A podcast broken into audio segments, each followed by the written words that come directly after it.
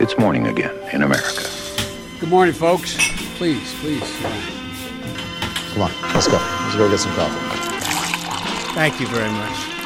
Det er mandag 15. juni, det er 141 dager igjen til presidentvalget, og morgenkaffen er servert.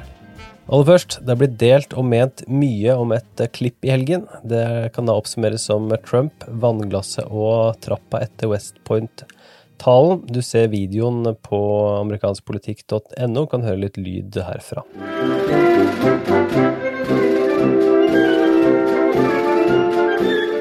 Altså Trump som uh, bruker veldig lang tid på å gå ned en uh, liten trapp, og så er det også et uh, videoklipp der han må bruke to hender for å klare å drikke et glass vann. Og så spekuleres det jo selvsagt på Twitter hva dette betyr.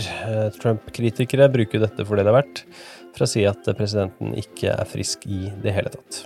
Når det gjelder Trumps egen forklaring på det her, så er det noe som har bidratt til enda mer fokus på det. Han sier selv at uh, denne rampa var veldig, var veldig lang, veldig bratt, veldig glatt og hadde ingen gelender. Og han sier at det siste han ville gjøre her, var å falle foran uh, fake news-media. og så sier han at på slutten så løp han ned, og så avslutter han meldingen med 'momentum'! utropstegn. Det er et bra forsøk på å bortforklare det hele, Eh, men eh, se klippet selv. Uansett, dagens første sak. Neste fase i kampen om å bli Bidens VP. Tidligere visepresident Joe Bidens søk etter sin egen visepresidentkandidat har nå gått over i en ny fase, og bakgrunnssjekkene av de aktuelle kandidatene blir med det enda grundigere. Ifølge Washington Post skal de mest aktuelle kandidatene, som enten har kommet videre i prosessen eller har potensial til å komme videre, være de følgende.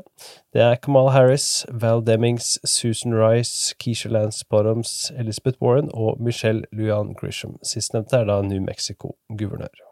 De anonyme Biden-kildene uttaler at muligheten er til stede for at andre navn også kan legges til på denne listen. Likevel så har anonyme Biden-kilder uttalt at Kamala Harris er et valg som gir stadig mer mening. Dette ble begrunnet med ideologisk likhet og forholdsvis lav politisk risiko. Ifølge tidligere 2020-kandidat Julian Castro så er bakgrunnssjekkene en langtekkelig affære. Castro ble bakgrunnssjekket av Hillary Clinton i 2016, og prosessen innebar blant annet et skjema med 129 spørsmål, i tillegg til høy møtevirksomhet sammen med advokater der personlig, politisk og økonomisk historikk måtte gjennomgås. Det er tidligere hintet om at Biden venter med kunngjøringen til starten av august, og Demokratenes landsmøte går av stabelen 17. til 20. august. Dagens andre sak, NASCAR og NFL vender Trump ryggen. Helt siden tidligere NFL-spiller Colin Kaepernick gikk ned på kne under en kamp i 2016, har Donald Trump ved flere anledninger gått til angrep på protestformen, som på ny er høyaktuell etter drapet på George Floyd. NFL tok eh, affære etter at flere spillere fulgte Kaepernicks eksempel og gikk ned på kne under nasjonalsangen. Trump mente da NFL burde sparke spillere som deltok i protesten, og ligaen kom med konkrete tiltak for å få bukt med situasjonen. Nå har imidlertid pipen fått en annen lyd, og der NFL tidligere støttet Trump, har nå den amerikanske fotballigaen erkjent at de tok feil. For NASCAR sin del så kom de i forrige uke på banen og bannlyste sørstatsflagget på sine arrangementer.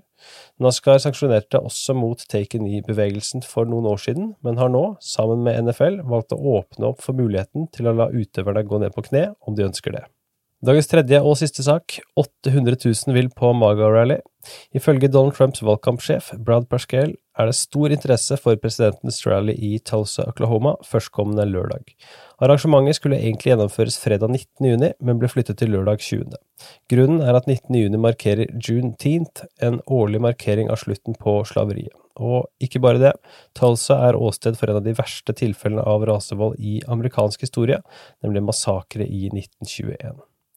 Interessen for Trumps rally-comeback skal være formidabel sett i lys av antallet som ønsker en plass i arenaen.